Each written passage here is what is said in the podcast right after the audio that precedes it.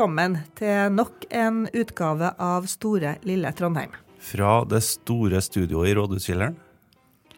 Ja, stort og stort kan sikkert diskuteres, men er eh, relativt. Ja, vi kaller det det. Mitt navn er Tone Fagerholt, Og jeg er Harald Skjoldberg. Og i dag så skal vi møte ei som står på og brenner for å skape en enda bedre eldreomsorg i Trondheim. Og det gjør hun gjennom å engasjere seg i brukerrådsarbeid. Det er nemlig sånn at uh, her i kommunen så skal alle skoler, barnehager, sykehjem, hjemmetjenesten med flere ha hvert sitt brukerråd.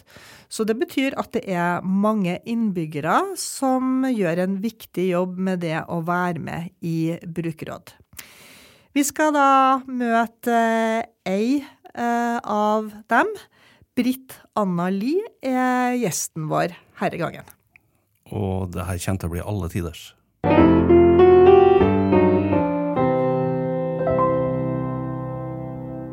Velkommen til store, lille Trondheim, Britt Anna Lie. Tusen takk. Eh, Vi spør deg som vi gjør med alle som kommer på besøk til studioet vårt her i Rådhuskjelleren. Eh, Hva er det beste med å bo i Trondheim? Det beste med å bo i Trondheim for meg, det er at vi har bymarka. Kort og godt. Mhm, bymarka. Bruker sommer som vinter på ski og på, til fots og ja. Ja. Så det, det er en stor glede for meg.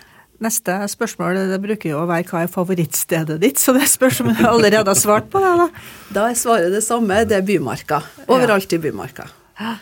Yes. Uh, du er eh, her er en lang tittel, så jeg må nesten ta, ta sats her nå. Koordinator for uh, nettverket av brukerrådsledere ved sykehjem og helsehus. Ja, veldig bra, Tone. Ble det rett? Ja. yes. Eh, Men det er da sånn at, sånn som jeg har forstått det, så har alle sykehjem og helsehus sine egne brukerråd eh, med egne ledere.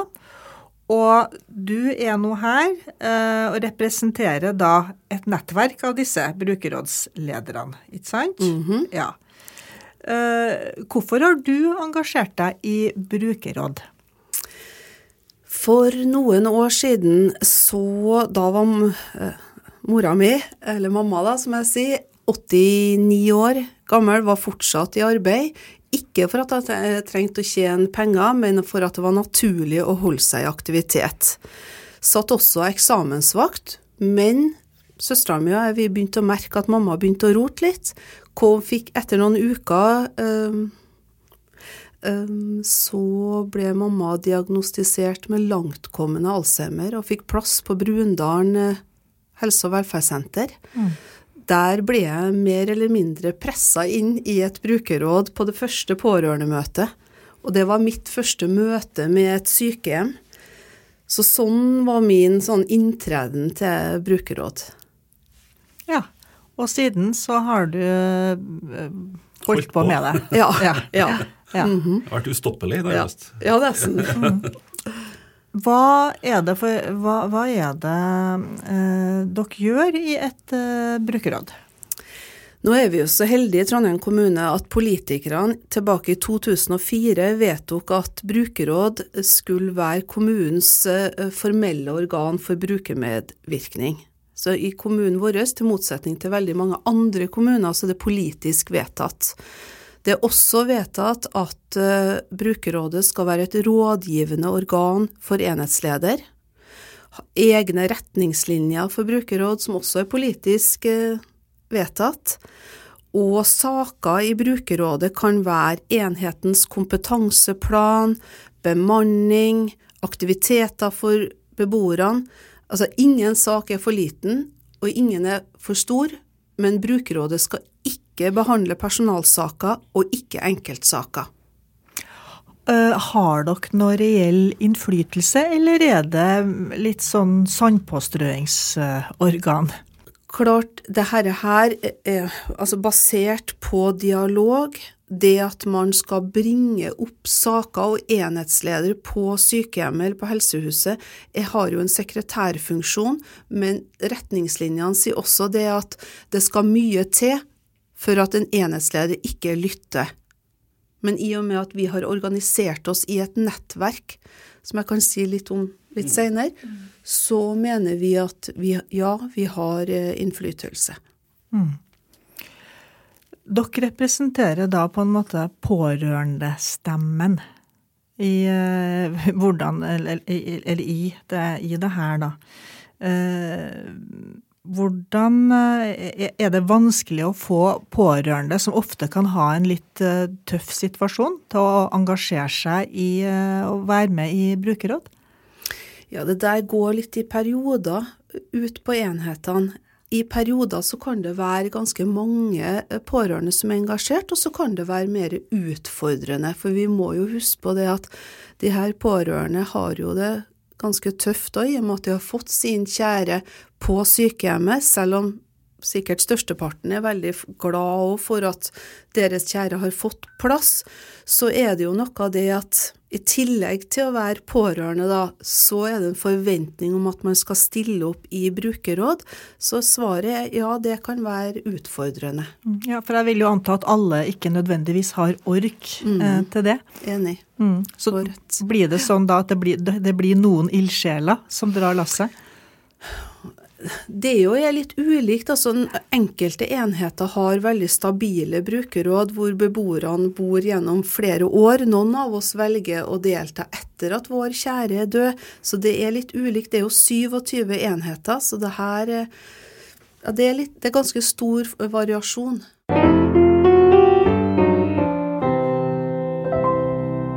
Du fortalte litt om mora di innledningsvis som årsak til at du, ble, at du begynte å være med i, i, brukerråd. Hva er det det gir deg, det engasjementet du har der? Mamma sa, selv om mamma var langtkommende eh, dement eller med alzheimer, så sa mamma du må stå på for eldreomsorgen, Britt Anna. Og det, det, er nesten sånn at jeg kjenner på at det er i arva etter mamma at det er rett å gjøre det her. Og i tillegg til at jeg har et annet familiemedlem som også er alvorlig syk, og som til tider er på noen av byens helsehus, så gir det meg også noe selv i forhold til det at jeg vet at saken er viktig, og det at man snakker, ja du nevnte at vi snakker på vegne av pårørende, men man snakker jo òg på vegne av de sykeste blant oss, den skrøpelige eldre sykehjemsbeboeren som ikke da har en stemme ut i den offentlige debatt. Så sånn sett syns jeg det, det, er todelt. Det er viktig for meg selv, men òg viktig for alle sykehjemsbeboere. Og det er vel 1500 sykehjemsbeboere i Trondheim kommune. Det er jo mange meninger om eh, eldreomsorgen i Trondheim kommune. Eh, hvordan står det til ut ifra ditt ståsted? Det som vi har lagt som grunn for denne organiseringa av nettverket, er at mye bra i eldreomsorgen, mye kan bli bedre. En visjon til nettverket er Sammen for en god eldreomsorg.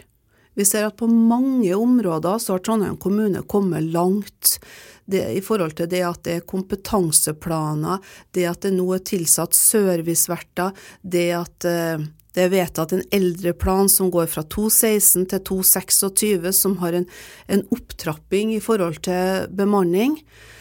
Um, men på andre områder som Det har jo med bemanning det òg, da det er jo en marginal bemanning på ettermiddag og på helg og på natt. Så det gir jo i hvert fall meg påfyll for oss å stå på videre, at vi må, vi må komme oss litt høyere på bemanning. Spesielt på ettermiddag og, og helg og natt. Hvordan skal dere i brukerrådene bidra til å få til det? Så vi har Jeg kan jo bl.a. fortelle det vi har gjort i dag. Vi har sendt ut invitasjon til speeddate til alle gruppelederne og alle fraksjonslederne i helse og velferd i helse- og velferdskomiteen. Inviterer dem 3. og 6. juni på møterom opp her i rådhuset, og hvor vi utfordrer dem bl.a. på å si noe om fremtidens eh, sykehjem, heldøgns omsorgsbolig og helsehus, spesielt rundt områdene eh, økonomiske prioriteringer på sykepleiere, på vernepleiere, helsefagarbeidere og sykehjemslegens rolle og funksjon.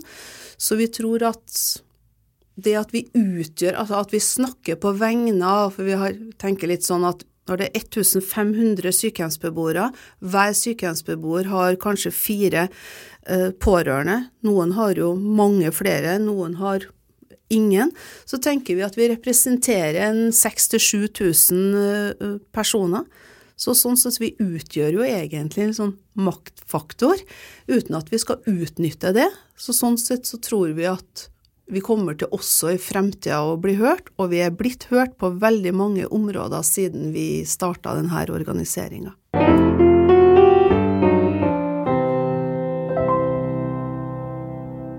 Vi hadde jo en gjest her forrige gang, Ane Bjørud Fjellsæter, som er en av kommunens to eldrepsykologer.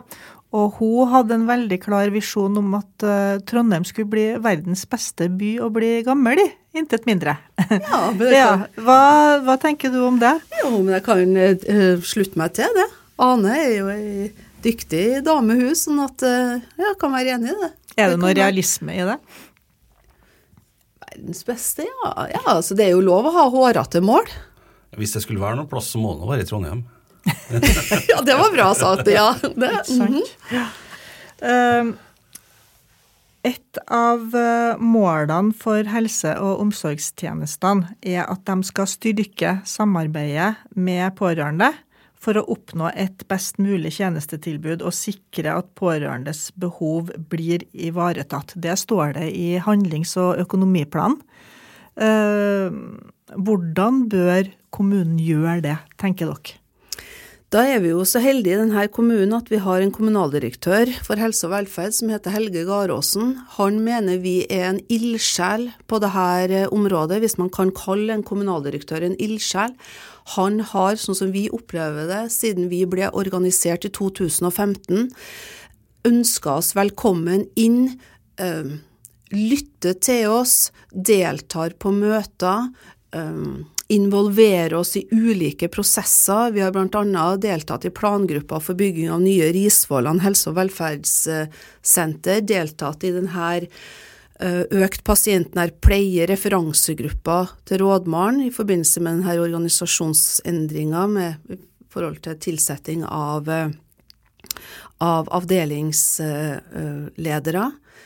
Uh, har også gitt innspill på de her retningslinjene for tildeling av heldøgns omsorgsbolig og sykehjemsplass til eldreplan.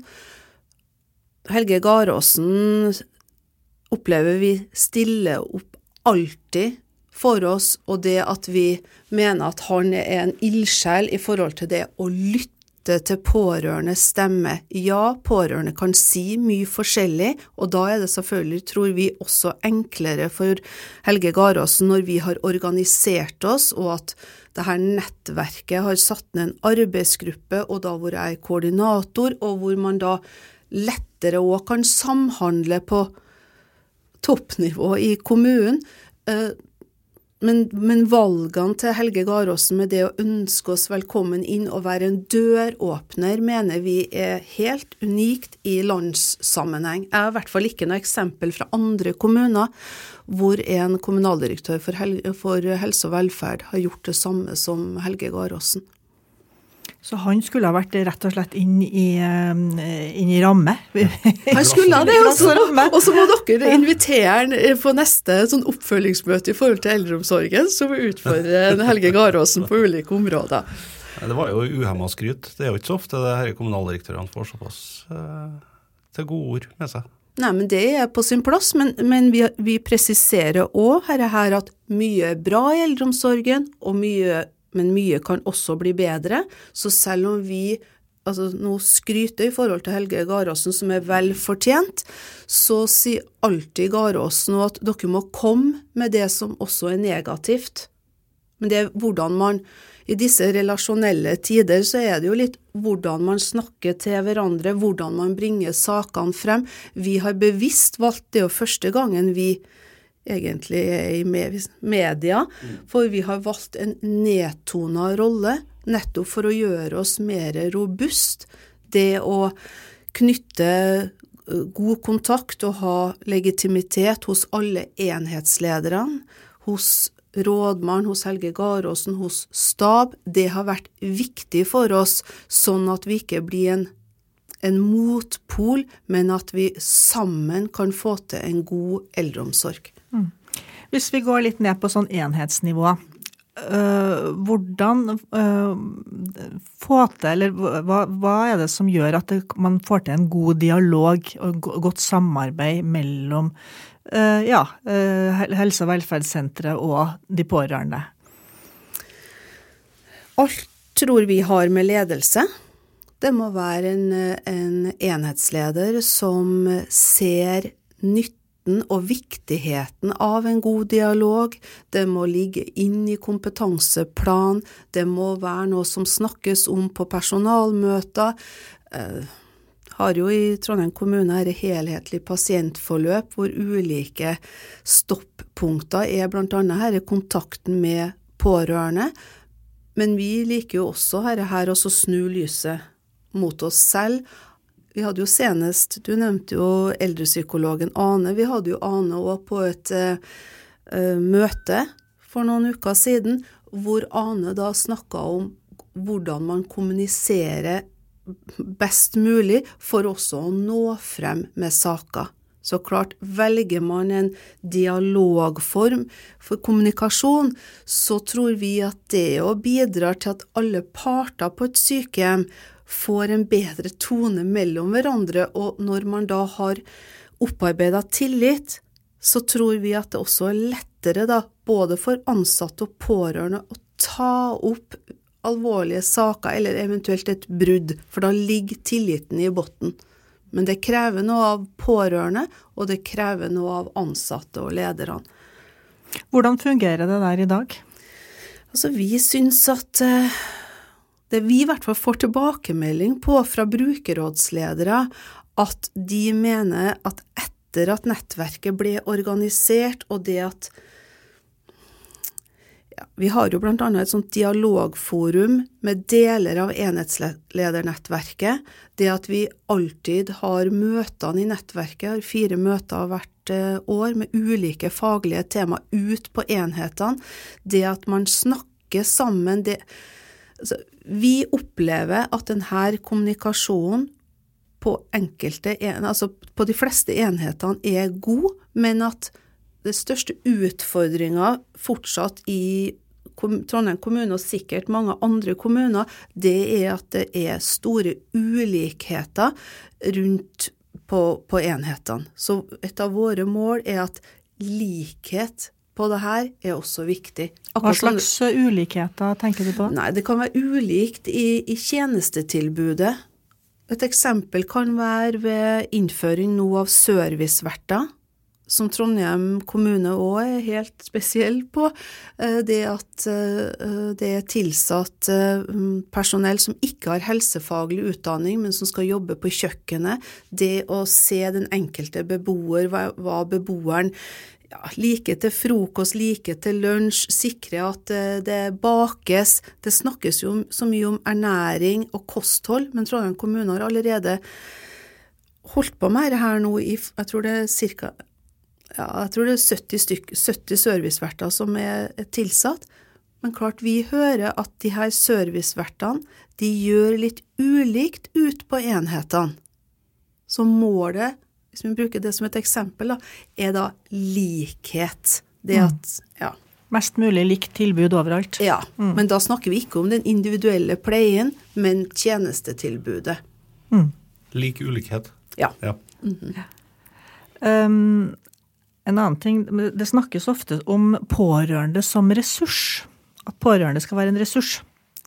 Eh, så, men så tenker jeg samtidig at det, det kan kanskje være litt sånn krevende noen ganger å være det, for det, det er jo krevende nok i seg sjøl å være, å være pårørende. Mm. ja, skjønner du hva jeg, mm. hva jeg vil hen? Jeg skjønner hva du vil. Mm. Og klart, i forhold til at jeg òg er pårørende, så kjenner man jo til tider at man kan bli sliten. Men så har vi, for å sette litt på spissen, stilt oss noen spørsmål at um, et av våre ønsker i nettverket er at man kunne ha starta noen type pårørendeforening på alle sykehjemmene. Fordi hvis man går til småkommuner, som f.eks. Tydalen, eller Klæbu, som vi skal slå oss sammen med. Klæbu sykehjem har hatt pårørendeforening i 25 år. Vi hører veldig ofte at pårørende er veldig sliten, og da har vi lurt på hvorfor er de mer sliten i Trondheim enn de er i andre kommuner i forhold til det med etablering av pårørendeforening. Noen sier ja, men Britannia, herre her er det en storby, er oppe i Klæbu så kjenner alle hverandre. Så vi har forståelse for at vi pårørende kan være sliten, men hvis du har din kjære i flere år på et sykehjem, så kanskje denne slitenheten går over, håper vi, sånn at du kanskje orke å engasjere deg i brukerråd eller i en pårørendeforening. Men du vil gjerne ha en pårørendeforening? Hva, hva, er det den kan bidra med? Altså Til motsetning til brukerråd, så, så eh, kan en pårørendeforening, f.eks. sånn som de har nå etablert på Charlottenlund eh, helse- og velferdssenter, kan bidra med aktiviteter for beboerne. For det er jo ikke å stikke under en stol at om noen år så blir vi ganske mange flere eldre. Jeg tror også at pårørende og byens befolkning må ta inn over seg at kanskje må man begynne etter hvert å bidra litt mer ut på enhetene, sånn at tjenestekvaliteten kan opprettholdes uten at pårørende skal pålegges noe ansvar for tjenestetilbudet. Men, men igjen, vi forventer ikke at pårørende skal verken ha ork eller energi til det her, men det er et ønske og litt derre hårete mål. For noen enheter klarer det, noen andre har ikke kommet så langt ennå.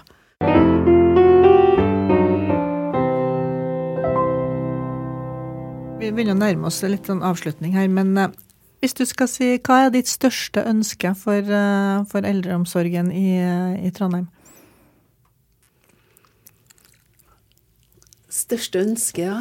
Uh, at Er det sluttappellen her nå? Ja. At, Må du ta inn. At eh, alle beboere uh, har det, altså får godt stell og pleie, og at det, beboeren føler at sykehjemmet er hjemmet deres, og at pårørende føler seg velkommen og bidrar med det de sjøl etter evne og ressurser kan tenke seg inn på, på på hjemmet eller på sykehjemmet, og at vi sammen får til en god eldreomsorg. Hørtes veldig bra ut. Mm, ja. Absolutt. Vi kan slutte oss til den. Ja. ja. Og nå sport. Eh, nå, eh, du har kanskje hørt eh, podkasten her før? Ja. ja. Du, du, har hørt den helt til slutt? Du har hørt gjennom alt? Vi bruker å avrunde med sportsavdelinga her, skjønner du. Og vi vil også ha noe kvalifisert synsing når det gjelder eh, Rosenborg. Eh, nå har vi altså hatt eh, tre treningskamper på rad uten å skåre mål. Og nå ser det ut som vi kommer til å spille hele sesongen med to sittende midtbanespillere. Hva syns du om det? Jeg er litt bekymra og vet ikke om akkurat den eh...